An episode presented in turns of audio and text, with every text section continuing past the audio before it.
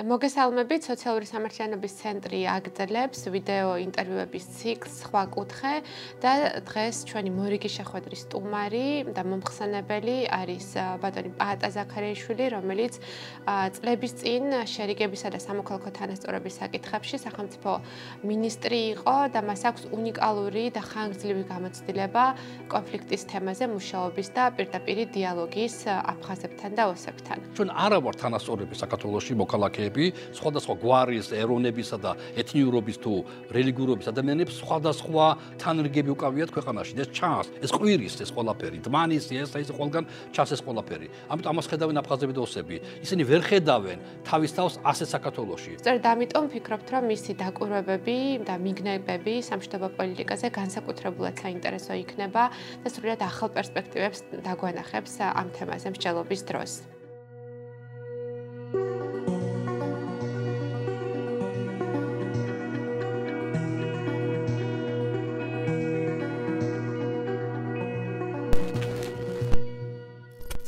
დიდი მადლობა ბატონ პაატა სტუმრობისთვის სამშვიდობო პოლიტიკაზე. უკვე რამდენიმე წელია სერიოზული პოლიტიკური და საზოგადოებრივი განხილვები აღარ მიმდინარეობს ჩვენ საზოგადოებაში. შეიძლება ითქვას რომ მხოლოდ აგვისტოს ომის დროს ან ბორდერიზაციის მორიგი უკანონო შემთხვევების დროს მედია სივრცეს ეს ფაქტები და ნიუსები იკავებს თუმცა ისინი მალევე ხრებიან დღის წესრიგიდან ყოველგვარი პოლიტიკური სერიოზული პოლიტიკური განხილვებისა და შემ შემდგომი მსჯელობის გარეშე. მნიშვნელოვანია ის, რომ ბოლო წლებში პოლიტიკურ პარტიებს შორის არსებობს კონსენსუსი ძალის არ გამოყენებაზე და სხვადასხვა დასაბუთებით და ინტენსივობით აღიარებულია შერიგებისა და ნდობის აღდგენის პოლიტიკის მნიშვნელობა და აუცილებლობა, თუმცა სამშვიდობო პოლიტიკა კონფლიქტის რეგიონებში მცხოვრები ადამიანებისთვის ეკონომიკური ჩართულობისა და ცალკეული სერვისების მიწოდების მიღმა არ გადის და მას სრულად აქვს დაკარგული პოლიტიკური განზომილება. შეიქმნება. აგვისტოს ომის შემდგომ, ასევე 2012 წლის შემდგომ შექმნილი პოლიტიკური კრიზისების ფონზე სამშვიდობო პოლიტიკა ღრმა კრიზისში შევიდა და დღეს ძალიან მაღალია скеპტიციზმი აქვს თუ არა სამშვიდობო პოლიტიკას კიდევ რესურსი. განსაკუთრებით იმ ფონზე, როცა რუსეთის ანექსია და დამოკიდებულება დე ფაქტო რეჟიმების რუსეთის მიმართ იზრდება და ჩქარდება. დღეს გვინდა რომ ამ თემას დაუთმოთ დისკუსია და დიდი მადლობა რომ ამ განხილვაში მონაწილეობთ. იმისთვის რომ გასაგები იყოს ჩვენი დისკუსია, მგონი პირველი კითხვა უნდა დაუთმოთ გარკვეული ტერმინების და კონცეფციების განსხვავებას. და პირველი კითხვა ასეთი იქნებოდა, თქვენ როგორ ხედავთ განსხვავებას კონფლიქტის გადაჭრას, კონფლიქტის ტრანსფორმაციას, შერიგებასა და ნდობის აღდგენის პოლიტიკას შორის და სწორედ რომელ კონცეფციასთან, რომელ ჩარჩოს იყენებდნენ ჩვენი ხელისუფლებები ტრადიციულად სხვადასხვა პერიოდებში? მოგესალმებით, მიესალმები მაყურებელს, ნამდვილად მნიშვნელოვანი თემაა. მოგვარებამდე არის უამრავი თქო ნაბიჯები რაღაცა ტრანსფორმაციას ვეძახით, ანუ საკითხები, რომელიც რომელიც მოგვარების გარეშეც ვერ წავიწებ წინ. თანაც ტრანსფორმაციაში გულისხმობა, როცა ორივე თუ რამდენი მხარეცა კონფლიქტში, თუ მათთვის მათ ინტერესებში არის ჩადებული ამ ნაბიჯის გადადგმა. სიტყვაზე ჩვენ და ქართულ-აფხაზური კონფლიქტი რო ავიღოთ და ქართულ-ოსური კონფლიქტი რო ავიღოთ, გვაქვს ჩვენი მიზნები არის აბსოლუტურად განსხვავებული და წინამდებები ერთმანეთს. საქართველოს მინისტრობის ტერიტორიული მთლიანობის აღდგენისკენ ეს განცხადებული ოფიციალური პოზიციაა, ხოლო აფხაზურ საზოგადოება კაფეო ცალსახად მინისტრობის საერთაშორისო აღიარებისაკენ, ანუ აბსოლუტურად ერთმანეთს წინამდებია ეს პოზიცია. და ამიტომ შეუძლებელია კონფლიქტის მოგვარება ისე დასულ ისე მოგვარდეს, რომ ერთი მხარე დაკმაყოფილებული იყოს და მეორე მხარე დაკმაყოფილებული იყოს, გამორცხულია. შესაბამისად, რაღაც ნაბიჯებია შუალედური, სადაც შეიძლება ჩვენ გქონდეს საერთო ინტერესები, რომელიც არ პირდაპირ არ მიყავხარ მანდამან ტერიტორიების აღდგენამდე ან აფხაზეთის დამოკლების აღიარებისაკენ. მაგრამ არის სხვა სოციალური საკითხები, გარდაადგილების თემა, ადამიანის უფლებები, ეკონომიკური საკითხები, უამრავი სხვა საკითხებია, რომელიც შეიძლება ორივე მხარის ინტერესებში იყოს დღეს და აუცილებლად არ არ უნდა აზიანებდეს, აზარალებდეს საბოლოო მიზანს. და როგორც კი შენ მომხარებთან ერთად მიდიხარ აი ამ სხვა საკითხებზე, სოციალურ საკითხებზე, პოლიტიკურ, იგივე სხვა შუალედურ პოლიტიკურ საკითხებზე, უფრო ეკონომიკურ საკითხებზე, კულტურულ საკითხებზე, მხარები ისე ისე ახლოვდებიან, რომ რაღაც შორეულ პერსპექტივაში შეიძლება გამოჩნდეს რაღაც მოგვარების ფორმებიც კი ისეთი რომ ორი მხარე დააკმაყოფილოს. ანუ ტრანსფორმაცია არის კონფლიქტ მოგვარებისაკენ მიმდინას კონფლიქტ მოგვარების გზაზე არსებული უამრავი სხვა საკითხების მოგვარება, რომელიც ორი მხარეს მისაღებია იმდენად, რამდენადაც ეს არზიანებს მათ საბოლოო მიზნებს. როცა სამშვიდობო პოლიტიკაზე ან კონფლიქტის ტრანსფორმაციაზე ვსაუბრობთ, ბევრი скеპტიკოსი ყავს, განსაკუთრებულად წინახალისუფლების დროს ტერიტორიების დაბრუნების ხშირად მილიტარისტული რიტორიკაც იყო ძალიან ძლიერი და პრინციპში სწორედ ამ რიტორიკამ და ხედვამ მიგუყვანა იმ კრიზისამდე, ხო, რომელიც საბოლოო ომის ფორმით მივიღეთ. და დღესაც პრინციპში ამგვარი განწყობები არის ხოლმე, რომ ერთ ბედნიერ დღეს შეიქმნება იქნება მომენტი, როცა საქართველოს ამ ტერიტორიებს დაიბრუნებს, განსაკუთრებით ყარაბაღის მეორე ომის შემდეგ, თქვათ ეს გამოცდილება თითქოს ესეთი ადვილი გამოსავალი აღმოჩნდა ქართულ რეალობაშიც. თუმცა დღეს ძალიან მნიშვნელოვანია, რომ პოლიტიკური პარტიები ძალის არ გამოყენების საკითხზე თანხმდებიან და პრინციპში გარკვეული კონსენსუსი ამ მიმართულებით გვაქვს, მაგრამ რომ დაუსაბუთოთ სკეპტიკოსებს, ხო, ისინი ვინც უფრო ნაციონალისტური ან მილიტარისტული ხედვებით უყურებენ ამ საკითხებს. აა რატოა სამშვიდობო პოლიტიკა მნიშვნელოვანი? რა პრაგმატული ან ადამიანური თუ დემოკრატიული დასაბუთება აქვს სწორედ სამშვიდობო პოლიტიკას და არა სხვა გზებით ამ საკითხების გადაჭრას? თქვენი პასუხი რა იქნებოდა? აა ჩემი პასუხია რომ თუ რა არის ამოცანა სახელმწიფოსე? თუ სახელმწიფო დემოკრატიულ დემოკრატიულ პრინციპებზეა დაფუძნებული ინსტიტუტებზე და სამოქალაქო ღირებულებებზე, მაშინ ადამიანი მისი თავარი ღირებულებაა. ადამიანის უფლებები, მისი თავისუფლებები. თუ აქედან ამოდივარ, თუ სახელმწიფო არის ავტორიტარული რეჟიმი და მისი ადამიანი არ ადარდება და დემოკრატია არ ადარდება, მაშინ სხვა გზით შეიძლება მან მიაღწიოს წარმატება. საქართველოს გაცხადებული აქვს, რომ დემოკრატიული სახელმწიფოა, რომ იზრუნოს თავის მოქალაქეებზე, თანასწორობა ერთ-ერთი აღებული, რამდენად მუშაობს ეს ხოლმე კითხი მაგამ აღებული ღირებულება, სამართლიანობა. თუ სახელმწიფო ამ პრინციპებში ჯდება და ადამიანია მისი თავარი, მაშინ ყველაფერს უნდა გააკეთოს, რომ ადამიანი ადამიანი არ დაზიანდეს საკითხ მოგვარების დროს. ანუ სისხლი არ უნდა იხურებოდეს, ისე უნდა გვარდებოდეს საკითხი. ეს არის პრინციპული ჩემთვის და მინაიდან ამ სფეროს ჩართული ვარ და სხვა სხვა ვისწავლია სხვა სხვა კონფლიქტები, ხედავ რომ მოგვარებადია კონფლიქტი ისე მოაგვარო, რომ ადამიანის ბედი, ადამიანის სიცოცხლე, ადამიანის ჯანმრთელობა, კეთილდღეობა მინიმუმ არ დაზიანდეს ან საერთოდ ან მინიმუმზე დაზიანდეს. იმიტომ რომ ეხლა იგივე აფხაზეთის ტერიტორიაზე სამხრეთ ოსეთის ტერიტორიაზე ცხოვრობს უამრავი ადამიანი რომელიც პოტენციალურად შენი მოქალაქეა და შენ ამას აღიარებ. და ისინი ისინი იბადებიან ისინი ზდებიან მათ ოჯახებს ქმნიან შვილები უჩდება შვილები ზდებიან ანუ ცხოვრება გრძელდება. ღირსეული სახელმწიფო და სახელმწიფო დაფუძნებულია დემოკრატიაზე თანასწორობაზე და სამართლიანობაზე. მისთვის თუ თავარი ამოცანა ადამიანია ადამიანის ღირსებაა მაშინ მან ისე უნდა მოაგვარო საკითხი რომ ეს ადამიანი შენი სახელმწიფოს დობით აქტუალური იყო მე დობით. ჩემთვის კონფლიქტ მოგვარება არ არის ნებისმიერი გზით კონფლიქტ მოგვარება. კონფლიქტი იყოს ღირებულებებზე დაფუძნებული და თავარ ღირებულებას ასე თქვი ადამიანი მისი ცენტრი იმას უნდა უხაროდეს საქართველოს ცხოვრება. თუ ისეთი ისე მოაგვარე კონფლიქტი რომ შენ ქართველი თუ ხარ და თბილისში ცხოვრობ, შენთვის მიუღებელი იყოს ეს სახელმწიფო ცხოვრებას, მაშინ აფხაზ მithumetes არ მომდება შესაძლებლობა შენსგან მის სახელმწიფოში ცხოვრება უნდა და ეს მისი სახელმწიფო უნდა იყოს. ის უნდა მოვაგროთ კონფლიქტი რომ ისინი ყოველთვის ხედავ ხედავდნენ თავის თავს საქართველოსში და ანუ იმ სახელმწიფოში, სადაც ჩვენ ყოველ ერთად ვიქნებით. ეს არის რა თქმა უნდა ჩემს ძალიან პრინციპული მნიშვნელობა. ანუ ყოველი ნაბიჯი უნდა იყოს გაზომილი და აწონილი სწორედ გირებულებებიდან გამომდინარე და არა მარტო ნებისმიერი გზით საბოლოო მიზნის მიღწევა. თანაც გამშულობანია სიმართლე სიმართლის საუბარი.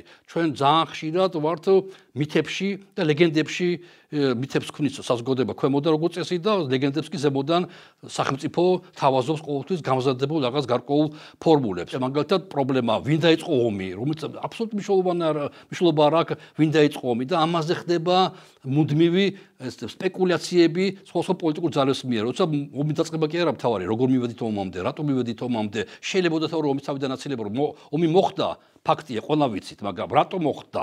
ამაზე ლაპარაკი თითქმის არ არის. რატომ მოხდა? რატომ რატომ მაგ რუსეთმა დაიწყო ომი, ხო? რატომ მიეცა მასოაშალებას რუსეთს ომი დაეწყო თუ ეს თუ ეს ესე არის, არა? რატომ ვერ ხედავს ამას დასავლეთი, იგივე სტრასბურგის სასამართლო, იგივე ტალიავინის ანგარიში? რატო რატო გვიჭირს ჩვენ ჩვენ საზოგადოებას აუხსნათ ხოლმე რაღაც მოვლენებით? ამ სიმართლეს ეს სიმართლე იციან აფხაზებოდოსება. რასაც ჩვენ უმალავ ჩვენ საზოგადოებას, ეს იცის კარგად მათ. მიციან კარგად. ამიტომ შესაბამისად, თუმცა ხედავენ რომ საქართველოს მხარე თბილისს რაღაცას მალავს, ესე იგი ისინი გზნობენ რომ მათ რაღაც დასამალი აქვს. ესე იგი რაღაც შინაგანი ისა აქვს, რა ქვია, ცოდვები აქვს, რომელიც რომელიც გამოშკარება არ უნდა. ამიტომ სიმართლე ერთ-ერთი ღირებული ღირებული ღირებულება, ფასეულობა, რომელიც გარეშეც ჩვენ შერიგება შერიგებას ვერ მივახცევ. 2008 წლის აგვისტოს ომის შემდეგ საქართველოს მთლიანად გადადის არაღიარების პოლიტიკაზე, როცა ის იღებს ოკუპირებული ტერიტორიების შესახებ კანონს და რეალურად სრულ ბლოკირებას უკეთებს აფხაზეთისა და სამხრეთ ოსეთის დე-ფაქტო მთავრობებსა და საბოლოოდ ამ ტერიტორიებზე მცხოვრებ ხალხებს, ხო? მათი არაღიარება, საერთაშორისო მხარდაჭერისა და თანამშრომლობის შეჩერება, რეპრესირება ყველა იმ ადამიანისა, რომელიც ამ რეგიონებში შევა და გაბედავს, თქვათ, გარკვეულ ურთიერთობებს, ეს არის ის გზა, რომელსაც საქართველოს იყენებს საკუთარი სუვერენიტეტის დასაცავად. გასაგებია არაღიარების შიშები იმ პერიოდისთვის. ჩვენ ხედავთ, რომ აგვისტოს ომის შემდეგ გავიდა 13 წელი, თუმცა თქვა იგივე აღიარების კუთხით რაიმე ცვლილება საერთაშორისო საზოგადოებაში არ მომხდარა და დღესაც არაღიარების შიშით საუბარი და პოლიტიკის მთლიანად დაფუძნება აი ამ შიშებზე პრინციპში დაუსაბუთებელი და უსაფუძვლო ჩანს. თუმცა ამის მიუხედავად ჩვენ ვხედავთ, რომ გარკვეული ახალი ინიციატივები და სტრატეგიები საქართველოს მთავრობას კონფლიქტის ტრანსფორმაციის მიმართულებით არ აქვს და ის მეწილად არაღიარების ტყვეობაში და შიშებში რჩება. აი რა არის ის ძირითადი მახასიათებლები, რომელსაც თქვენ გამოყოფდით, თქვა აგვისტოს ომამდე, აგვისტოს ომის შემდგომ ან ბოლო ხელისუფლებების მართლობის კვალდაკვალ. Ну მე ვთახვე მოსაზრებას რომ ასე დაზიანებული სამშვიდობო პროცესი არ ყოფილა არასდროს.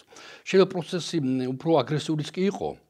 მაგრამ იყო აგრესიული პოლიტიკა, იყო სამშობლო პოლიტიკა ეხლა არაფერი არა ან არაფელზე არ ეფუძნება დღევანდელი პოლიტიკა არაფელს არსება არ გააჩნია არსებითი პოზიცია არ გააჩნია. ამას ისე აგრესიული პოლიტიკა ჯობია რატომ იმიტომ რომ ხედავ საითკენ მიდის პროცესი და შეგვიძლია გააკრიტიკო შეაჩერო მოსთხოვო პასუხი ხელისუფლებას. დღევანდელი დღის თავარი თავარი თუ შეიძლება მახასიათებელი არის არაკომპეტენტურობა არაკვალიფიცირებულობა უცოდინრობა კონფლიქტების ის კონფლიქტების ისტორიის პოლიტიკოსი ის რაღაცას იტყვის ზოგჯერ რომ გაგიჟდები რომ წარმოდგენა არ აქვს რა არის აფხაზეთი საერთოდ და საფრთხეებსაც საერთოდ აზრი არა და ჯობია ხმა რა მოიღონ ის ისეთ ისეთ ისეთ ფაქტებს ასახელებენ ისეთ შეფასებებს იძლევიან. ამ ფონზე აშკარა ჩანს რომ მათ ჭირდებათ მეტი წოდნა და არ არსებობს ეს ლიფტი რომელიც პოლიტიკოს აყავს ხელისუფლებაში როგორც არის გამოცდილება წოდნა სწავლა ამადამ ამადამ სფეროსი და 2008 წლამდე იყო აგრესიული პოლიტიკა, კაფეოდ გამოკვეთილი.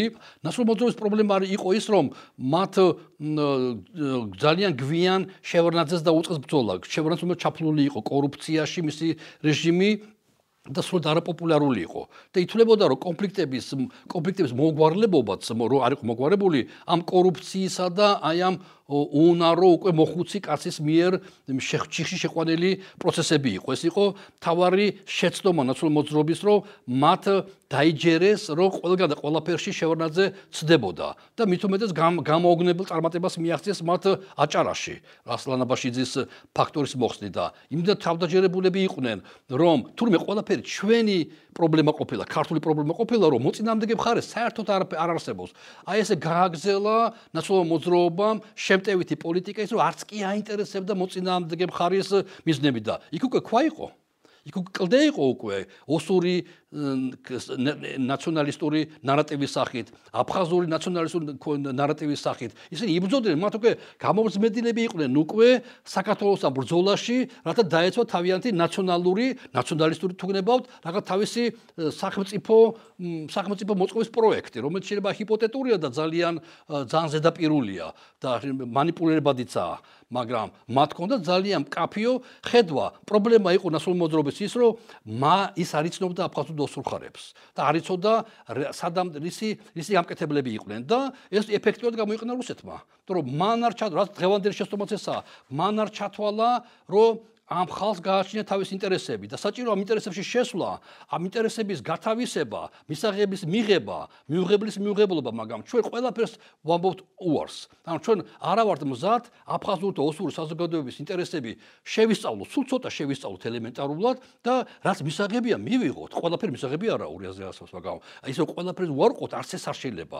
არის საკითხები, რაც შეიძლება ერთიან სახელმწიფოში იყოს რეალიზებული. ფედერაციული მოწყობა მაგალითად, რომ შეიძლება მათ ინტერესები დაკმაყოფილებული იყოს რაღაც საკუთრების მიმართ, მოქალაქეობის მიმართ, უამრავი საკითხებია, მაგალითად მართლობის, თვითმართველობის მიმართ, დეცენტრალიზაცია როგორ შეიძლება იყოს, ნონცენტრალიზაცია შეიძლება იყოს განხორციელებული. უამ სოფლიო თავაზობს უამრავ სხვა სხვა ვარიანტებს, სადაც შეიძლება ეთნიკური განსხვავებული ნიშნის მატარებელმა ხალხმა თავისი იდენტობა გადაინარჩინონ და თავისი ადმინისტრაციო მოაწყონ ისე რომ არ დაარღვენ ადამიანის უფლებები. ხო, აი ხო არ დაარღვენ სხვა ეთნიკური ჯგუფების თუ თუ რელიგიური ჯგუფების თუ განსხვავებული ჯგუფების ინტერესები. ხო, როცა აგვისტოს ომზე ვსაუბრობთ, ძალიან ხშირად სწორედ აგვისტოს ომის შემდგომ ხდება აი ამ კონფლიქტებთან დაკავშირებულ ხედვაში სრული გაუჩინარება ადგილობრივობის, ხო? აი ის რომ ეს იყო ეთნოპოლიტიკური კონფლიქტი, რომ ეს იყო ორმხრივი მძიმე შეცდომები, ეს იყო ორი ნაციონალიზმის კონფლიქტი, თქვა ქართული აფხაზური ან ქართულ-ოსური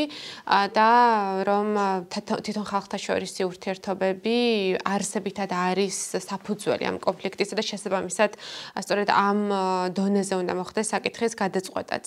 დაკარგულია თვითონ ეთნოპოლიტიკური კონფლიქტის შინაარსიც, ხო, რომ არსებობს ძალიან ბევრი, ასე ვთქვათ, წყალქვეშა ქვა, რომელიც ამ ურთიერთობების უკან არსებობს, ეს არის, ვთქვათ, იგივე კონფლიქტების გამოცდილება, ომის გამოცდილება, ხო, ის ასიმეტრიული ურთიერთობები, რომელიც ეთნოსთა შორის არსებობდა 90-იან წლებში ქართული შოვინიზმის პრობლემა, ხო, ძალიან არაინკლუზიური და გამომრიცხავი ქართული ნაციონალიზმი, რომელმაც ძალიან ბევრი ეთნიკური ჯგუფი დააზიანა და ისეთი მძიმე ფორმები მიიღო, ხო, ამან რომელიც 90-იან წლებს უკავშირდება.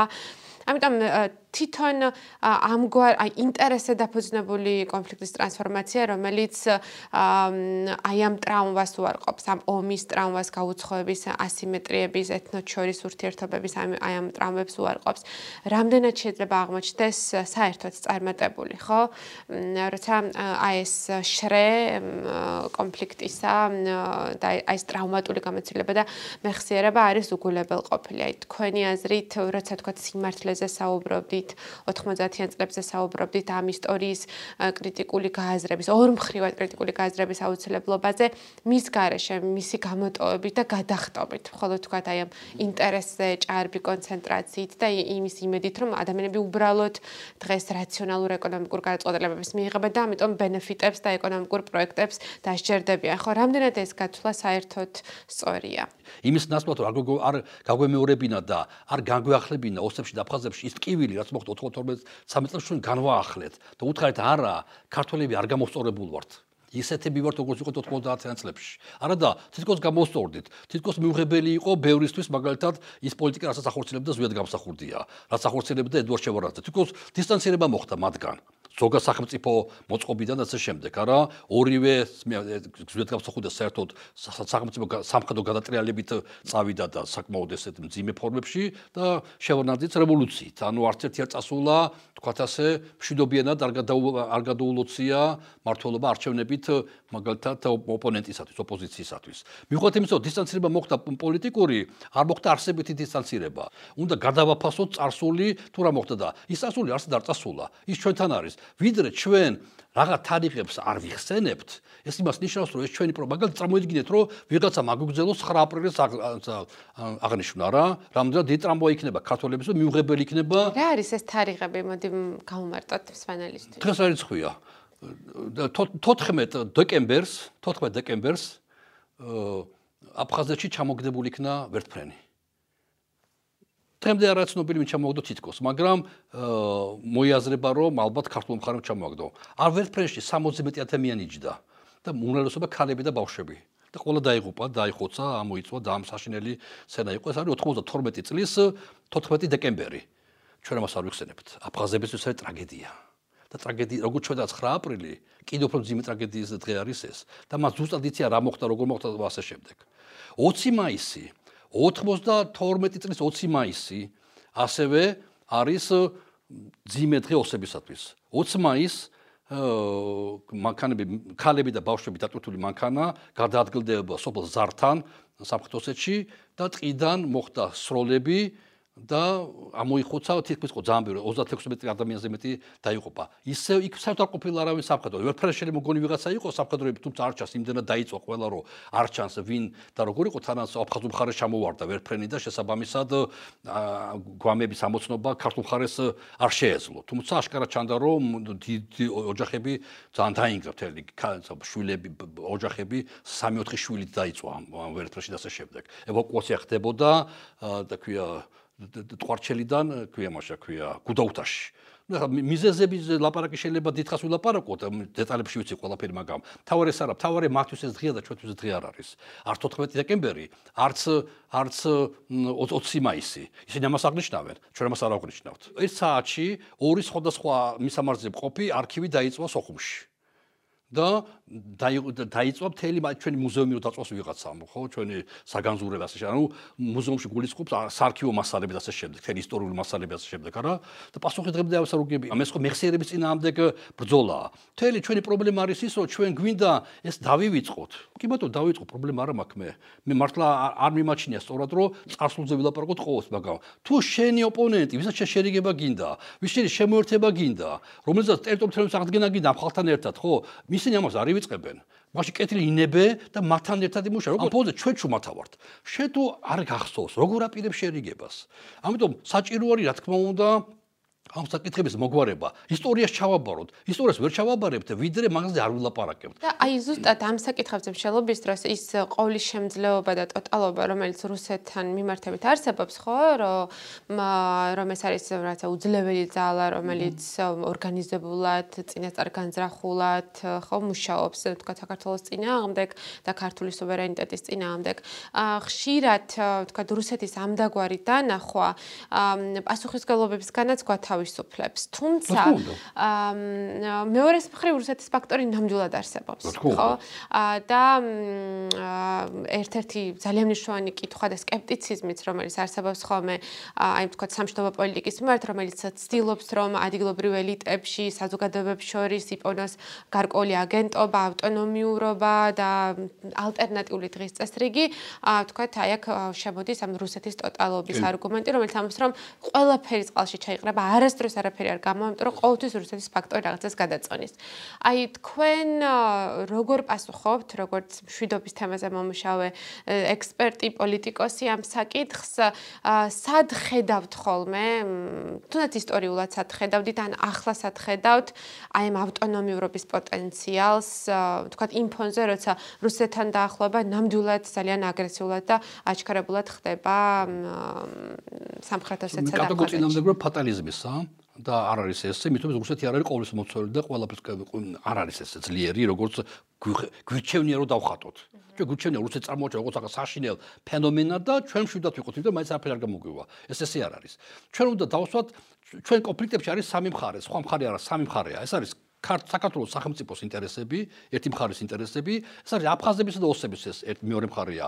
აფხაზების და ოსების ინტერესები არ იყვნენ საქართველოსთან, ასეთ საქართველოსთან და მიიღონ რაღაც სხვა რამ, ან დამოუკიდებლობა აფხაზების შემთხვევაში, საერთაშორისო სამართლის აღიარებული, ან რუსეთთან შეერთება ოსების შემთხვევაში. ნებისმიერ შემთხვევაში მათ არ უნდა საქართველოსაც ხორება. ეს არის მეორე მხარის ინტერესები. და მესამე მხარეს არის რუსეთი. ეს არის რუსეთის იმპერიული ინტერესები, ნეოიმპერიული ინტერესები, გეოპოლიტიკური ინტერესები. ფლობები, სადაც მისთვის თავარია რეგიონში ფლობდეს ვითარებას. ეს არის აკვეტებული დიალოგს პუტინის ისე რუსული ელიტის და ეს არის ბოდვა ჩემი აზრით, მაგრამ ეს მუშაობს დღემდე. ყირიმის მითვისება ყირიმი ჩვენია და შემდეგ ეს პროექტები გავიარეთ.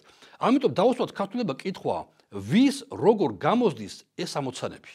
როგორ აღწევენ თავის წარმატებას? როცა ვიტყვი ხოლმე რუსეთმა თავის ინტერესზე გამომდინარე სწორი ნაბიჯი გადადგა, ანუ მას ინტერესები არის იმპერიული ქვია თავისი ზრახვების გავრცელება. როცა ვამბობ რომ აფხაზეთმა ამ ნაბიჯი ჩვენი ასეთი ნაბიჯით აფხაზებმა უფრო მეტად მოიპოვეს დისტანცირება საქართველოსთან და უფრო მეტად ამართლებენ რატო არ უნდა საქართველოსთან, ესე იგი მათი პოლიტიკა ასევე სწორია თავის ამოცენზე გამომდინარე. ჩვენ საქართველოს როგორ ვიქცევით თუ ჩვენ გვინდა ტერიტორიულ აღდგენა. ერთი და თუ ჩვენ გვინდა ამ ხალხის შერიგება შემორიგება. ჩვენი პოლიტიკა სწორია როცა ჩვენ როცა ჩვენ არ ვხედავთ აფხაზი და ოსი ხალხის ინტერესებს. ჩვენი ამოცანები სწორია, რომ აღმადგინოთ ტერიტორიულ მთლიანობა, რომ აღმადგინოთ შევირიგოთ შემოვირიგოთ ეს ხალხი აფხაზები და ოსები, თუ არ თუ მცდარია. ამ სამი კომპონენტი და მეოთხე არ არსებობს. არც თურქეთს, არც ევროკავშირს, არავის თავის ინტერესები არ გააჩნიათ აი ამ კონფლიქტების მოგვარების შედეგში. ყოველას უნდა შვიდობა. ხოლო სამ სამხარეს აქ ინტერესები რუსეთს, საქართველოს და სეპარატისტულ რეგიონებს, ხოს არავის. ამიტომ დაუსვათ კითხვა, გულწრფელად ჩვენ თავს დაუსვათ კითხვა ყოველგვარი საჯაროების გარეშე, თუმცა ჩვენ ვინც გვისმენს ასე შემდეგ. საქართველოს პოლიტიკა სწორია ტერიტორიული მიმართულებით, თუ რუსეთის პოლიტიკა უფრო სწორია თავისი გავლენების მიმართულებით? თუ აფხაზების ოსების პოლიტიკა უფრო სწორია? თავიანთი ამოცანების შესასრულებლად. სამწუხაროდ მე მგონი რომ საქართველოს ყველაზე უფრო სუსტი რგოლია აქ. გამორიცხულია რომ რუსეთმა დაუშვას აფხაზეთის რაღაც ფორმით მეტი დამოუკიდებლობა. საფარია ეს. ის ან მოახდენს მის ანექსიას, ბოლომდე მithვისებას როგორც ყირიმის საერთო პრობლემები არ იყოს, წარმოგიდგენიათ აფხაზეთი დამოუკიდებელი სახელმწიფო, რომელშივა მიიღოს გაწყვეტილება საქართველოს უფრო კარგად იყოს თუ რუსეთთან, თუ თურქეთთან და შეიძლება ნატოშიც კი წავიდეს. გამორიცხულია. რატომ უნდა აიტკიოს აუტკივარ თავი რუსეთმა და მიუშვას ასე აფხაზეთი? აფხაზეთი ადამიანებს ეს ესმით. მათ კარგად იციან, რომ თერ შანსები არ არ აქვს დამოკიდებულებას. მაშინ რა? თუ დამოკიდებულება არ აქვს, შეიძლება ორი ვარიანტი. ან საქართველოსთან, ან რუსეთთან. რას თავაზობთ ჩვენ მათ უკეთეს ვიდრე რუსეთია? რითი, რითი ვაინტერესებს ჩვენ მათ, რომ წაბოდით ბიჭები ვაკეთ, რა გინდათ მაკეთ? რა გავაკეთეთ? მათ აქვს უამრავი გამოწვევები რუსეთთან, საკუთრება მიწაზე. გემდე ბრაუჭებიან და არაფრით ართმობენ რომ აფხაზეთში მიწა ითვლება სახელმწიფო საკუთრება და არა დედამიწაზე არასებობს ცოცხალი ადამიანი ვისაც აქვს საკუთრება მიწაზე. მეორე საკუთრება უზავქია ამაზე უზავქონებაზე განსაკუთრებით ბინებზე თავს იკლავენ და არ უთმობენ ამას რუსეთს, რომ რუსეთის მოქალაქე ღერთად დაიფოროს, რომ იყიდოს რაღაცა ბინების რაღაცა რაოდენობა და შემოუშვან. მესამე არის გზა მაგალითად კოდორის ხეობაზე, რათა ჩილკავკასია მარიაროს პირდაპირ აფხაზეთში, გზები და ასე შემდეგ. ანუ რატო შეგვიძლია ჩვენ რაღაც დავწეროთ კონცეფცია, სადაც ჩავწერთ, რომ რაღაც გარდამავალ პერიოდზე ფედერაციული თუ კონფედერაციული, რატო გვეშინი ამ სიტყვების მოწყობის შემთხვევაში, რომ აფხაზეთის ტერიტორიაზე იქნება განსაკუთრებული რეჟიმი.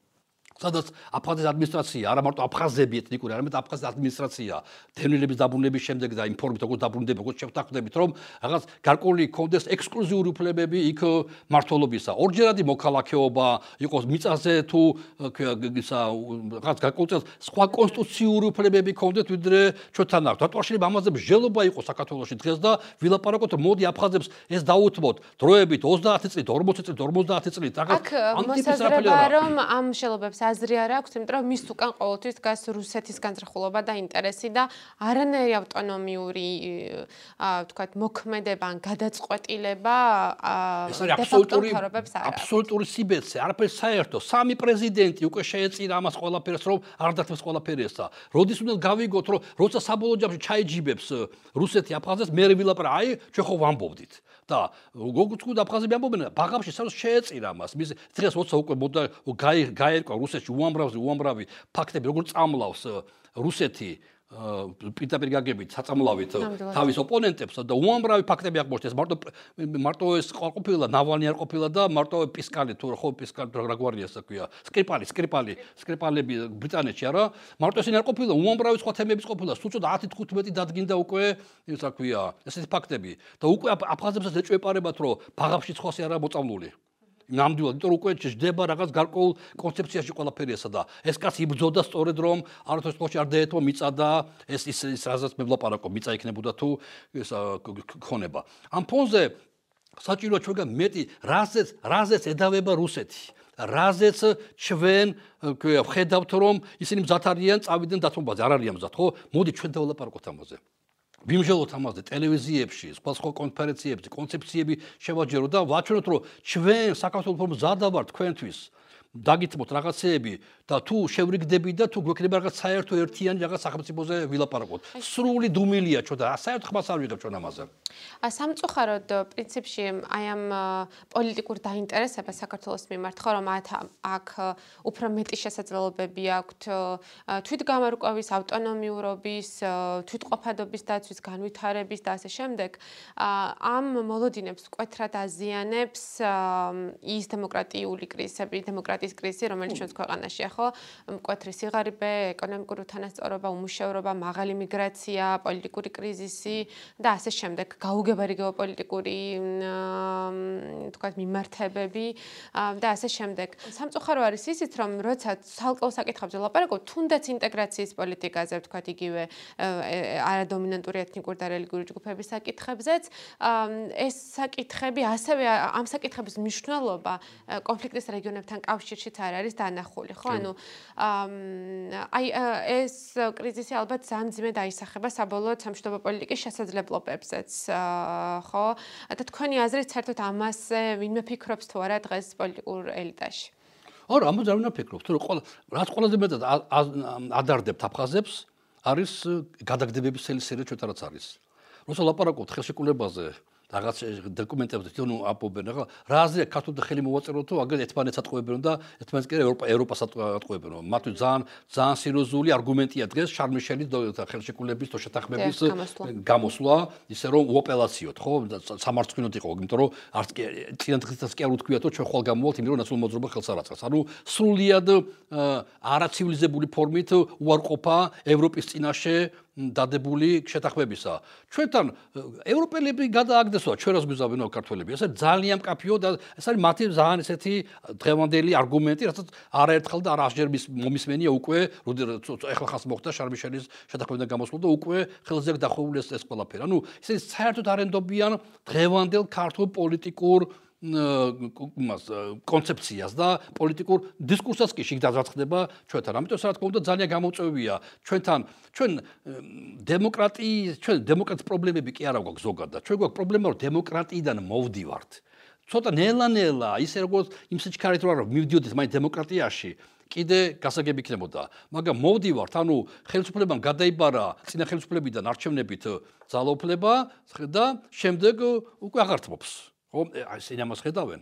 ამიტომ თქვენ პასუხი თქვენ კითხავს რომ საერთოდ არანაირი ინტერესი არ გააჩნია ჩვენ ხელისუფლებას რამდენად ჩვენი შიდა პოლიტიკური კონცეფცია კონცეფცია და კონტექსტი აღიბეჭდება და აღიქმება პირველში აფხაზურ მხარეშიც. ცხინმოში ასე არ ფიქრობენ როგორ აფხაზები ძალიან ჩასაფრებულები არიან და ძალიან ყურადღებით უყურებენ ამას ყველაფერს და დეტალებში იცი რა ხდება ჩვენთან იმიტომ რომ მათ მისი სოფლიოს არ აინტერესებს. რუსეთსაც კი არ აინტერესებს აფხაზეთი. თუ რამე არ ხდება აფხაზეთში არაფერი საინტერესო არა რუსეთ ტელევიზიები თვეები თვეები თვეები არაფერს არ ამბობს აფხაზეთზე თუ ვინმე საინტერესებს აფხაზეთი საქართველოა დანარჩენი ხო ჩვენ ლაპარაკობთ. და რას ლაპარაკობთ? მათ აინტერესებთ. არაფერს კარგს არ ლაპარაკობთ. ჯობია სულ არ გვისმენდნენ რომ როგორც კი რაღაცა სიტყვი გადმოგილაგებენ მთელ Facebook-ზე მთელ ლანძღოგინებას. მე უნდა ჩვენ რა ხდება ესე. მაგათთვის არგუმენტი არაა. მე უნდა თქვენზე მეტად მე მლანძღავენ ხოლმე თქი Facebook-ზე მაგა. ეს შენი სამშობლოა, შენი სახელმწიფოა და შენი შენი პრობლემებია მაგა. მე რატომ უნდა მინდოდეს აი ესეთ სახელმწიფოსთან ცხოვრება, სადაც ხმა ვერ ამომიღია რომ ლანძღოგინება და ნიაღვარი არ წამოვიდეს ამ ყვარდლესა და ბოხმისა. შენ ქართველი ხარ და აიტარე თუ გიდე. თუ გიდე ნუ აიტან მაგა. მე რატომ უნდა ავიტანო ეს დამოკიდებულება მათ რა თქმა უნდა ძალიან სერიოზული. ამიტომ ისინი ძალიან ძალიან დიდი გამადიდებელი შუშით უყურებენ რა ხდება საქართველოში და ამ ინტერნეტმა ხო საერთოდ ყველაფერი წარმოაჩინა ჩვენი შიქთავსი და ყველანაირ თავსით და აშკარა ჩანს რომ ისინი ხედავენ რომ ქართველები არაპირებენ გამოსწორდნენ და არაპირებენ და არაპირებენ დაინახონ აფხაზების ინტერესებს. ჩაბღოუჭებულებიან ერთ რაღაც საერთაშორისო სამართლით აღიარებულ საზღვრებს რომ მათთვის არაფერი არაა. სასაცილოდ არ ყოფნით ეს ყველაფერი და ამიტომ რა თქმა უნდა ეს არის ძალიან დავაფიქრებები კეთილდებინო და დავფიქრდეთ რომ ქართულ საზოგადოებაში. კი არ დავფიქრდეთ. დავიწყოთ მსჯელობა ყოველგვარი იარლიყებისა და ყოველგვარი რაღაც გარკვეული სტიგმების ჩამოკიდებით რომ ვისაუბროთ რა როგორ ვაპირებ ჩვენ აფხაზებთან ურთიერთობას ოსებთანაც რა როგორ ვაპირებ მათი ინტერესების შესწავლას და ამ ინტერესების რეალიზაციას შემდეგ უკვე შიდა ქართულ კონცეფციაში. მაგრამ ჩვენ სამწუხაროდ არ არანაირად არ უფრო და უფრო მივდივართ ჩვენს და უფრო და უფრო არ ვაძ ამისათვის.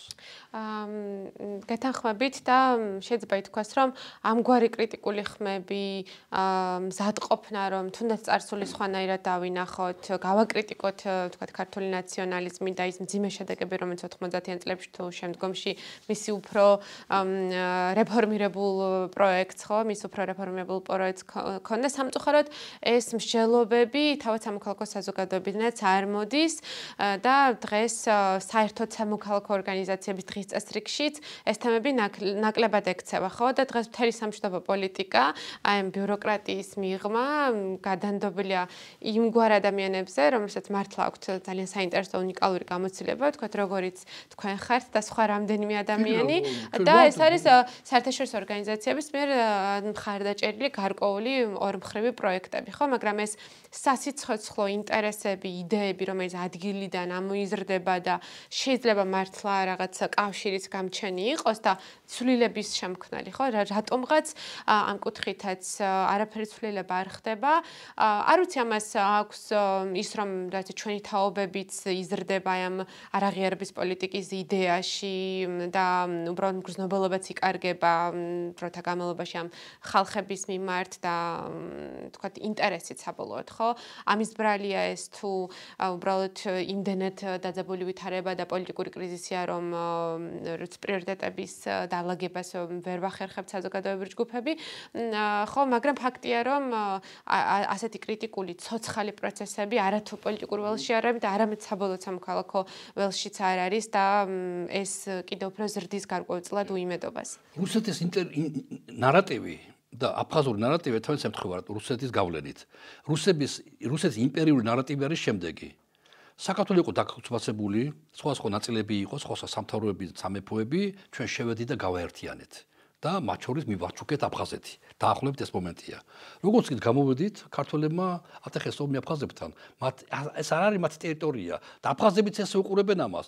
ჩვენ ვიყავით ერთად ხოლმე იმიტომ, რომ ოდესღაც ლევამოსლმა რუსეთის იმპერიამ გაგვაერთიანა, შემდეგ ასევე ლევამოსლმა მეორე იმპერიამ, ბოლშევიკურმა იმპერიამ კიდევ მეტად ჩაგვაცემენტა, მაგრამ როგორც კი, როგორც კი მოირყა პადმსუბის ეს ძალუზ ზეწოლა წნეხი მაშინვე დაიწყო ომი მართლაც ესე მოხდა მაშინ დაიწყო ომი ანუ და არავის საქართველოს ეს არ გადაუფასებია რომ ჩვენ რაღაცას გვინდა სულ მე-12 საუკუნით მე-16 საუკუნით რაღაც სხვა საუკუნებით ვილაპარაკოთ აფხაზებს და არ შეგვიძლია ვილაპარაკოთ 21 საუკუნით რომ დავანებოთ თავიანთ ფეოდალურ ურთიერთობებს და ვილაპარაკოთ რა როგორ შეიძლება როგორ ვილაპარაკოთ ერთმანეთთან სამოქალაქო ღირებულებებით სამოქალაქო ნაციონალიზმით თუ შეიძლება ასე დავარქოთ ამ ამ პოზიციებს. მაგრამ ისინი ხედავ რომ საქართველოს ჯერ ვერ იპოვარა საერთო აფხაზებთან ოსებთან. ეხლა გადაერთოთ ეთნიკურ უცესობებზე იგი დმანიში აგერ ბუკნარში ორი ქართველი ორი ქართული თუ შეიძლება ასე თქვას ტომი ერთმანეთს შეეჯახა ბუკნარში უნდა იყოს თუ არა მეჩეთი აჭარლები და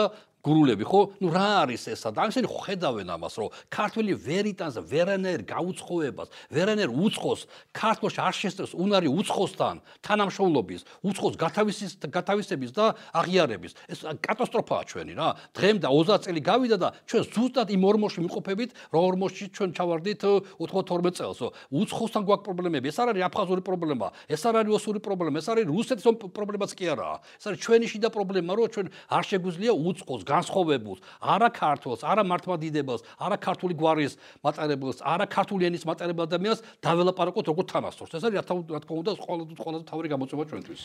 ამის მიუხედავად რა ოპტიმიზმის საფუძველი გაქვთ თქვენ ან სათხედავთ ხელჩასაჭირს და გარკვეულ რესურსებს, რომ კიდე არსებობს გარკვეული იმედები ამ საერთო დღის წესრიგების, საერთო ინტერესების ძიების, გარკვეული ახალი ალტერნატიული ხედვების, რომელიც შეიძლება საინტერესო აღმოჩნდეს და თავად აფხაზებისთვის, განსაკუთრებით პროაფხაზური პოლიტიკური და საზოგადოებრივი ჯგუფებისთვის საინტერესო რაღაცა ტიპის ალტერნატივა. ხო, ის სათხედავთ მაინც აა შესაძლებლობების სივრცეს. საქართველოს დემოკრატიზაციაში თვითონ შევდივართ, გვასწავლია პირველ რიგში, რომ როცა უხაერობა იქნება ნიღაბი, შოს კი არ გაუკეთო, ჯერ შენ გაიკეთე.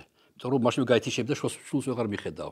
ამიტომ ჯერ ჩვენ უნდა გავხდეთ დემოკრატიულ სახელმწიფო და ამით მოვიზიდო ჩვენ აფხაზები დოსები. არანაირი მოსაზიდი ჩვენ არაფერი არ გაგვაჩნია დღეს. არაფერ შეიძლება თავი მოვაწროთ. ამიტომ პირველ რიგში ეს არის დემოკრატიული ცვლილებები საქართველოში. თანასწორობაზე და სამართლიანობაზე დაფუძნებული. ჩვენ ორი რამე გვაკლია საქართველოს. თანასწორობა, ჩვენ არა ვართ თანასწორები საქართველოში მოქალაქეები, სხვადასხვა გვარის, ეროვნებისა და ეთნიურობის თუ რელიგიურობის ადამიანებს სხვადასხვა თანრიგები უკავიათ ქვეყანაში ეს ჩანს, ეს ყვირის ეს ყველაფერი, დმანის ეს ეს ყველგან ჩანს ეს ყველაფერი. ამიტომ ამას ხედავენ აფხაზები და ოსები. ისინი ვერ ხედავენ თავის თავს ასე საქართველოში და რა თქმა უნდა მათ არ უხარიათ განსაკუთრებით აფხაზებს, არ უხარიათ რუსეთში, რუსეთის პერსპექტივები, მაგრამ რუსეთი ასე მაინც არ ასე მაინც ასე ღვარზლი და ბოღბით არ ლაპარაკება და ასე განსხვავებული ესენი კა თავის პრობლემები აქვს კარგად ესმით მათ. ამიტომ ჩვენ გამოსავალი არის ის რაც რუსეთს არ ექნება არასდროს. ან ძალიან დიდი ხანი მაინც არ ექნება ეს არის დემოკრატია. ეს ნებისმიერ ტანგზე უფრო ძლიერია. ნებისმიერ თვითმფრინავზე უფრო ძლიერია დემოკრატია. რომ თანასწორობაზე დაფუძნებული. მოდის ახლა ახალი არჩევნები ახალგაზრდობა მოდის. უნდა არ მოდის ახლა გაიარა მაგრამ მე მაქვს იმედი რომ 24 წელს არჩევნები იქნება პროპორციული სუფთა. არ იქნებიან ეს ეს ეს კრიმინალები და ეს კორუმპირებული ხალხი. მაჟორიტარები რო ქვიათ. ასე წარმოდგენილი მაშინ რა ქვია. პარლამენტში და სუფთა სიები წავა და რა თქმა უნდა იდეალური არ არის მაგრამ ახალგაზრდობა მადლობა რომ ახალ თქვენ თაობის იმედი მაქვს ახალ თაობა რო წამოვა ახალი შანსები იქნება. თუ აფხაზეთშიც მოს ახალი თაობა? ნახეთ ჩამოდიან ჩვენთან ჩვენთან ცხოვრობენ წერენ რაღაცეებს იქ რაღაც ბლოგებია რაღაცეები არის. მათ არ უნდათ ეს რუსული სუსხი და რუსული იმპერიალიზმი. მაგრამ საქართველოს თუ რუსული იმპერიალიზმი მათთვის მიუღებელი ასევე ქართული ნაციონალიზმია მათთვის მიუღებელი. კეთილი ვინებო თალხ უნდა გადავხარშოთ ეს ყველაფერი. თუ არ სახელმწიფო ვიყოთ სახელმწიფო. დიდი მადლობა ბატონ პატა. ვფიქრობ რომ ძალიან საინტერესო დისკუსია იყო და აბსოლუტურად გეთანხმებით იმ გამოსავალში, რომ ცვლილება პირველ რიგში ჩვენი საზოგადოების შიგნით არის მისაღწევი, ხო, ჩვენ დემოკრატიაში, კეთილდღეობის სისტემების დანერგვაში, სოციალურ სამართლიანობაში, თანასწორობაში და რა თქმა უნდა, აი ამ კრიტიკულ გადააზრებაში, იმ რეალობისა თუ წარსულისა, რომელიც ჩვენ შევქმნით, შეიძლება ჩვენი ელიტები მათ შორის აღმოჩნდნენ მარიონეტები, სხვა იმპერიული ინტერესების ხელში ან რეაქცია იყო გარკვეულწილად 90-იან წლების ნაციონალიზმი, თქვათ, იმპერიულ პოლიტიკაზე, თუმცა ჩვენ ამ ინფანტილობის ინფანტილური მდგომარეობიდან უნდა გამოვიდეთ და ვისწავლოთ მათ შორის ჩვენს შეცდომებზე პასუხისმგებლობის აღება. არსებული კონტექსტი ამ ოპტიმიზმის საფუძველს არიძლევა, რომ შეიძლება ასე თქვათ, რაღაც გამოსწორების გზაზე წავიდეს ეს პოლიტიკური კლასი, თუმცა ალბათ ისევ საზოგადოებრივ ჯგუფებს გაგვაჩნია შესაძლებლობა, რომ საზოგადოებრივი ინტერესი, საზოგადოებრივი ხმები და ეს კრიტიკა მუდმივად დავაბრუნოთ საჯაროობაში და აი ამ ინერციას არ ჩაუყვეთ. ფიქრობ, რომ ეხლა სწორედ აი იმდენად მაღალია სოციალური ნიჰილიზმი, რომ ეხლა ძალიან მნიშვნელოვანია, რომ ჩვენ აი ამ ინერციას უიმედობის, უძალობის და საწესწარკვეთის არ ჩაუყვეთ და მნიშვნელოვანი საზოგადოებრივი და პოლიტიკური საკითხები მუდმივად დავაყენოთ დღის წესრიგში. დიდ მადლობას გიხდით. მადლობა თქვენ.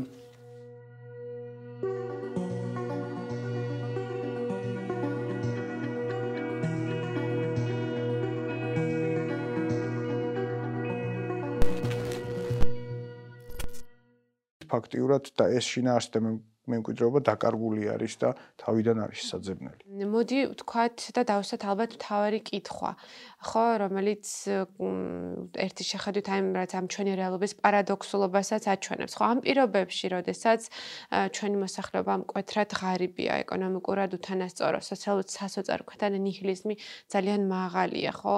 ამის ყველაზე მძიმე მაჩვენებელია დღეს მზარდი მიგრაცია და ძალიან მძიმე არაფორმალურ ეკონომიკაში მოსახლეობის დიდი ნაწილი შესვლა, ხო? და ასე შემდეგ. აი ამ ფონზე რა არის მიზეზი იმისა, რომ საპატრიარქოს ძალიან მაღალი სოციალური გავლენები აქვს? გასაგებია მისი პოლიტიკური გავლენების მიზეზი რა არის, ხო? ეს გასაგებია, იმიტომ რომ ჩვენმა პოლიტიკურმა ელიტებმა ვერ მოახდინეს რაღაც მაკონსოლიდირებელი პოლიტიკური იდეის პროექტის შექმნა, რომელიც თქვა ეთნორელიგიური ნაციონალიზმის საპირწონეთ კონსოლიდაციის ახალ პროექტს შექმნიდა, ხო, რომელიც უფრო ინკლუზიური, თანასწორი, პოლიტიკურ პროგრესულ პოლიტიკურ ღირებულებებზე იქნება იქნებოდა დაფუძნებული. რაც ახსნა აქვს ამ პოლიტიკურ ვაჭრობასა და ურთიერთსარგებლობას, ხანდახან ქორწინებას. მაგრამ რა არის მისი სოციალური გავლენების მიზეზი თუ ის ამდენად ღარიბი და სუსტად მგრძნობიარეა აი ამ ძიმე გამოწვევების მიმართ. თან იმ ფონზეც, როცა ამ გამოწვევების დაყენებას არათუ საპატრიარქო, არამედ პოლიტიკური პარტიების, ოპოზიციური პარტიების კი არ ახერხებენ და ზოგადად ამ წუხილების, ამ სისტემური წუხილების არტიკულირების პრობლემა ზოგადად დგას დღის წესრიგში. აი მაშინ რა არის მისი ამ ძალაუფლების და სოციალური გავლენების აა საფუძველი, ხო? აი რითი ახსნით ამას? ეს შეიძლება იყოს იდეოლოგია, რომელიც აწარმოა ბოლო პერიოდში, ბოლო 3 ათეული წელიწადია. ეს არის ეთნოფილეტიზმი, რელიგიური ნაციონალიზმი, რომელიც გარკვეულწილად მართლმადიდებლურ ეკლესიაში მიღებულია როგორც წვალებლობა, იმიტომ რომ არ შეიძლება ნაციონალური იდენტობით განსაზღვრო ქრისტიანობა. და შესაბამისად ერთ-ერთი პრობლემა და ერთ-ერთი საყრდენი რაც არის ეს არის თავისთავად ეთნოფილეტიზმი და ეს რელიგიური ნაციონალიზმი რომელიც აწარმოა თვითონ საპატრიარქომ. აი ჩვენ ძალიან საინტერესო არის თვითონ პატრიარქის ეპისტოლეებს რომ ნახულობთ. საბჭოთა ეპოქის პერიოდში მისი ეპისტოლეები არის აი მშვიდობისადმი, ეს ატომური განიარაღება. თავისთავად ეს იყო ეხა საბჭოთა ხელისუფლების დავალებას თუ რა უნდა გაეტანა საქართველოს ეკლესიას, რა გზავნილი უნდა გაეტანა საზღვარგარეთ, როდესაც მიდიოდა სხვადასხვა ეკუმენურ შეხვედრებს და ასე შემდეგ. თუმცა 90-იანი წლების შემდეგ, როდესაც ნაციონალიზმი და ზოგადად რელიგიური ნაციონალიზმი ესე გაძლიერდა, ეკლესიამაც საპატრიარქომაც დაინახა, რომ ამაში იყო ძალა და ამით უფრო მარტივად შეიძლებოდა პოლიტიკურ ველზე შემოსვლა და ეს საკითხი წამოწია წინ, იმიტომ რომ ქართველები ემოციური ხალხი ვართ და ეს მომენტიც ძალიან ისეთ მუშაობს ზოგადად ეთნიკური, რელიგიური მომენტი. და თავისთავად აქ განმაპირობებელი ისიც არის, რომ ეკლესია რჩება საზოგადოებისათვის, ადამიანებისთვის უკანასკნელი იმედი. აი, 3 ათეული წელიწადია, როდესაც ქვეყანა ამდენი ომი ამდენი უბედურება, ამდენი დღესდღეობით ასეთი უთანასწორობა გაიარა და ეკლესია რჩება და მათ შორის ეკლესიის უმაღლესი იერარქი მილია მეორეს დღეს აქვს განუზომელი ავტორიტეტი და აქვს პატივისცემა საზოგადოების მხრიდან. შესაბამისად სოციალური კაპიტალი თავისთავად მიბმულია პიროვნების კულტთანაც შეიძლება ესეც ვთქვა პატრიარქთან და რელიგიურ, ეთნორელიგიურ ნაციონალიზმთან. ეს ორი მომენტი არის და შემდგომ თვითონ ჩვენ შემთხვევაში გაბატონებული სიტუაცია, როდესაც ადამიანს დობა არ აქვს, ხო? ჩვენ ვიცით, ხელისუფლებასთან დობა არ აქვს, ოპოზიციასთან არ აქვს. სამოქალაქო საზოგადოება არ არის ისეთი ძლიერი, ხო? ამიტომ მე ძალიან ხშირად საუბრობ, რომ სასულიერო პირებს აქვთ გარკვეულწილად გამოცდილება იმის თუ რა წუხილებია საზოგადოებაში, ხო? მათთან მიდის ათეულობით, ასეულობით ადამიანი და უზიარებენ ამ წუხილებს და ისინი კარგად ხედავენ. ეხლა თავარია მათ დაიწყონ გაბედონ, ისწავლონ, ისევ და ისევ იპოვონ ის ძველი ტრადიცია, ის მემკვიდრეობა, შეაფასონ ეს მეორე ნაბიჯია, გაბედულად შეაფასოს მათ შორის ეკლესიამ. თუმცა აი ისტორიულ გამოცდილებას როგორია იგივე ესეთ პერიფერიულ ქვეყნებშიც ხო აფრიკაში იქნება ლათინურ ამერიკაში და ასე შემდეგ. იგივე როდესაც სწავლობთ გათავისუფლების ღვთისმეტყველებაზე ანუ სხვადასხვა მიმართულებებზე ხო? შავი გათავისუფლების ღვთისმეტყველება რომელიც სეგრეგაციას ებრძოდა და აპარტეიდს ეს ის არ დაწყებულა უმაღლეს საეკლესიო ცენტრი და პირიქით ყოველთვის მაგალითად ვატიკანი ყოველთვის ებრძოდა 60-იან 70-იან წლებში განვითარებულ ლათინურ ამერიკულ თეოლოგიას იმიტომ რომ ამ შემთხვევაში ეს პოლიტიკური მოცემულობა ისეთი იყო რომ ეს მოძრაობა ასევე უპირისპირდებოდა ამერიკის შეერთებული აშშ-ის მიერ ხარდაჭერილ ხელისუფლებას სხვადასხვა მაგალითად სალვადორში და არგენტინაში ეს დიქტატორულ რეჟიმებს. და შესაბამისად ვატიკანისთვის მნიშვნელოვანი ანგარიშგასაწევი ძალა იყო ამერიკა ვიდრე ურუგვაი, პარაგვაი ან კუბა, თქვათ. ეს ეს მოცემულობაც არსებობს. აა ჩემი ბოლო კითხვა უნდა ყოფილიყო, სად არის გამოსავალი და პრინციპში თქვენს პასუხში გარკვეულწილად უპასუხეთ ამას, ხო?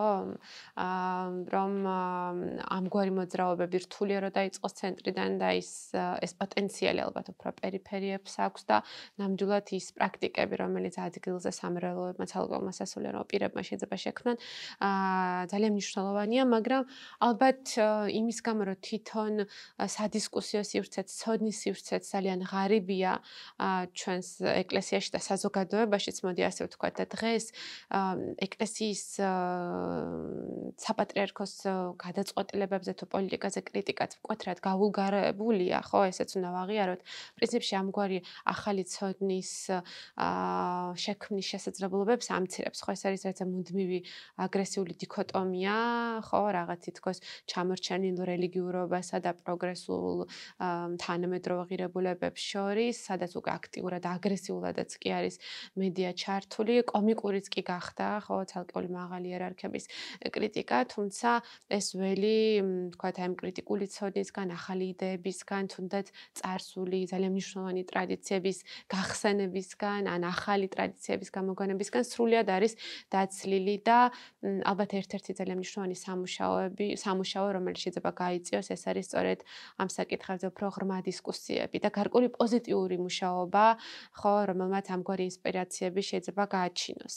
აა აი თქვენ მაინც, ხო, რა რას ხედავთ გამოსავალთ ან გაძლევთ თუ არა რაიმე ცირე მოძრაობები თუნდაც სხვა სხვა სამრევლოებში თუ ეპარქიებში პოზიტიური მოლოდინის საფუძველს.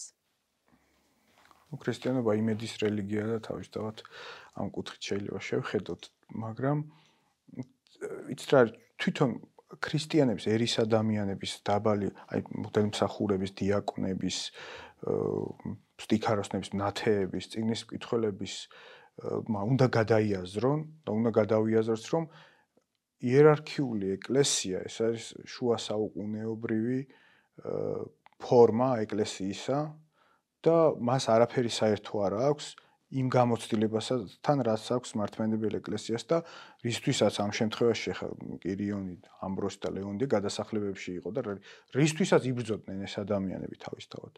ა არანაირი მა არ აქვს და ეკლესია არ შეიძლება დანახული იყოს ვიღაცა ადამიანების პირად კორპორაციათ, ასე რომ ვთქვათ. და მასში სრული უფლება აქვს ჩართული იყვნენ. მათ შორის გადაწყვეტილების მიღებაშიც კი ჩართული იყვნენ რიგითი სასულიერები, მათი წუხილები, სასულიერები და საერო ადამიანები. მათი წუხილებიც უნდა იყოს მოსმელი. ძალიან საინტერესო ფაქტი არის, როდესაც პატრიარქი ლეონიდე გამოირჩიეს, გამოირჩიეს ლეონ დეოქროპირიცე წერილები არის და გურიის ერთ-ერთი სოფლიდან იწერებოდა სამრევლო რომ ჩვენ ეგ კაცი რაღაცა არ მოგწონს ცუდი ხმები მოდისო და ჩვენი ისიც და ეს ჩვეულები აღბეჭდილი არის ჩატა. ეს ამ დონის იყო იმ დროს ეს დისკუსია თავისთავად. ჩვენ გადავეით ამ სინოდალურ მოდელზე და ეს სინოდალური მოდელის თავისთავად გამორიცხავს არათუ ადამიანს თვითონ ეპისკოპოსებს ეს დამამცრობელია, როდესაც ეპისკოპოსები მიდიან, სინოდის დღე არის დანიშნული, ეპისკოპოსები მიდიან საპატრიარქოს კარებთან მედია ხდება და არიციან რაზე უნდა იმსჯელონ. ეს არის ტრაგედია. ჩვენ თუ გადავხედავთ მართლმადიდებელი ეკლესიის ადგილობრივი მართლმადიდებელი ეკლესიების გამოცდილებას, ერთი კვირა 10 დღე გრძელდება სინოდის სხდომები, ხო? იქაც არის სინოდალური დღეს ზოგადად გაბატონებულია სინოდალური მართლობა და ეპისკოპოსები და მიტროპოლიტები არიან წარმოდგენილი. თუმცა სინოდი სანამ საკითხს, რომელიმე საკითხს, სამუშაო საკითხს წამოჭრის, შესაბამისად იგზავნება წერილები თუ ამა თუ იმ ეპარქიაში რა პრობლემებია და ეპარქიასთან არსებობს საეპარქიო საბჭოები და ეს არსებობს გარკვეული საფეხურები არის და ამ საფეხურების გავლის შემდეგ იწყებს ამ შემთხვევაში სინოდი უმაღლეს საეკლესიო ხელისუფლება ამ პრობლემებს ჯელობას. ჩვენ მე ვფიქრობ, რომ რაღაც საეკლესიო იერარქია არის საერთოდ სხვაგან, იმიტომ რომ ეხლა ძალიან ბევრი ცხელი წერტილები იყო, ხო, სოციალური ცხელი წერტილები. მე არ მინახია მაგალითად ზესტაფონში, როდესაც ფეროსმუშები იფიცებოდნენ ეპისკოპოსი მელქისედეკ ხაჭიძე. მიცის სულიერ შვილები არიან. გიორგი შალამბერიძე იგივე რა ვთქვი, ტყიბულში ჭიათურაში მხოლოდ ერთხელ იყო შემთხვევა, როდესაც რაღაცა მედიატორის როლი ითამაშა მიტროპოლიტ დანიელ დათუაშვილმა. როცა გამოცდილება არსებობს, მაგალითად ბრაზილიაში, როდესაც ერთ-ერთ ქალაქში, როდესაც არბევდნენ მუშ გაფიცულ მუშებს პოლიცია საკათედრო ტაძარი გახსნეს და იქ შეუშვეს, იქვე შემოვიდა ამ შემთხვევაში. ესეთი გამოცდილებები არსებობს და ძალიან მნიშვნელოვანია, რომ ეს და ეს ახალი აღთქმა რამდენადაც თეოცენტრულია და ღმერთზე მიმართულია, ასევე არის ანთროპოცენტრული და ადამიანი ყოველთვის დგას ცენტრში და თავისთავად ეს ცოდნა, ეს გამოცდილება ისევ და ისევ უნდა დავიბრუნოთ და დასაბრუნებელიც არის და ისევ გასავრცელებელია. დიდი მადლობა. ვფიქრობ, რომ ძალიან საინტერესო დისკუსია ქონდა და გარკვეულწილად სწორედ ამგვარი ძალისხმევა გასაწევი ჩემი აზრით აი ამ კრიტიკულ ცოდნასთან დაბრუნების, ძველ ტრადიციების გახსნების და ამ საკითხზე არა მხოლოდ ნეგატიური კრიტიკის რეჟიმში ჩადგომის, არამედ გარკვეულწილად პოზიტიური კრიტიკის, რომლის მიზანი ტრანსფორმაციების მიღწევა და არა განადგურება, ხო, სამწუხაროდ დღევანდელ საზოგადოებრივ დისკუსიებს ამგვარი შინაარსი აქვს და მხოლოდ. დიდი მადლობა შოთა თქვენი ღვაწლისთვის, ყოველთვის თქვენი ტექსტები, გამოხმაურებები არის ძალიან საინტერესო და ღირებული და გამორჩეულად სანდო კვლევარი ხართ და თეოლოგი, რომელიც ამ საკითხებზე მიუკვერდლებელ ცოდნაზე დაფუძნებულ ხედვებს ავითარებს და დიდი მადლობა თქვენი ამ შრომისთვის. მადლობა თქვენს მოძღვევისათვის.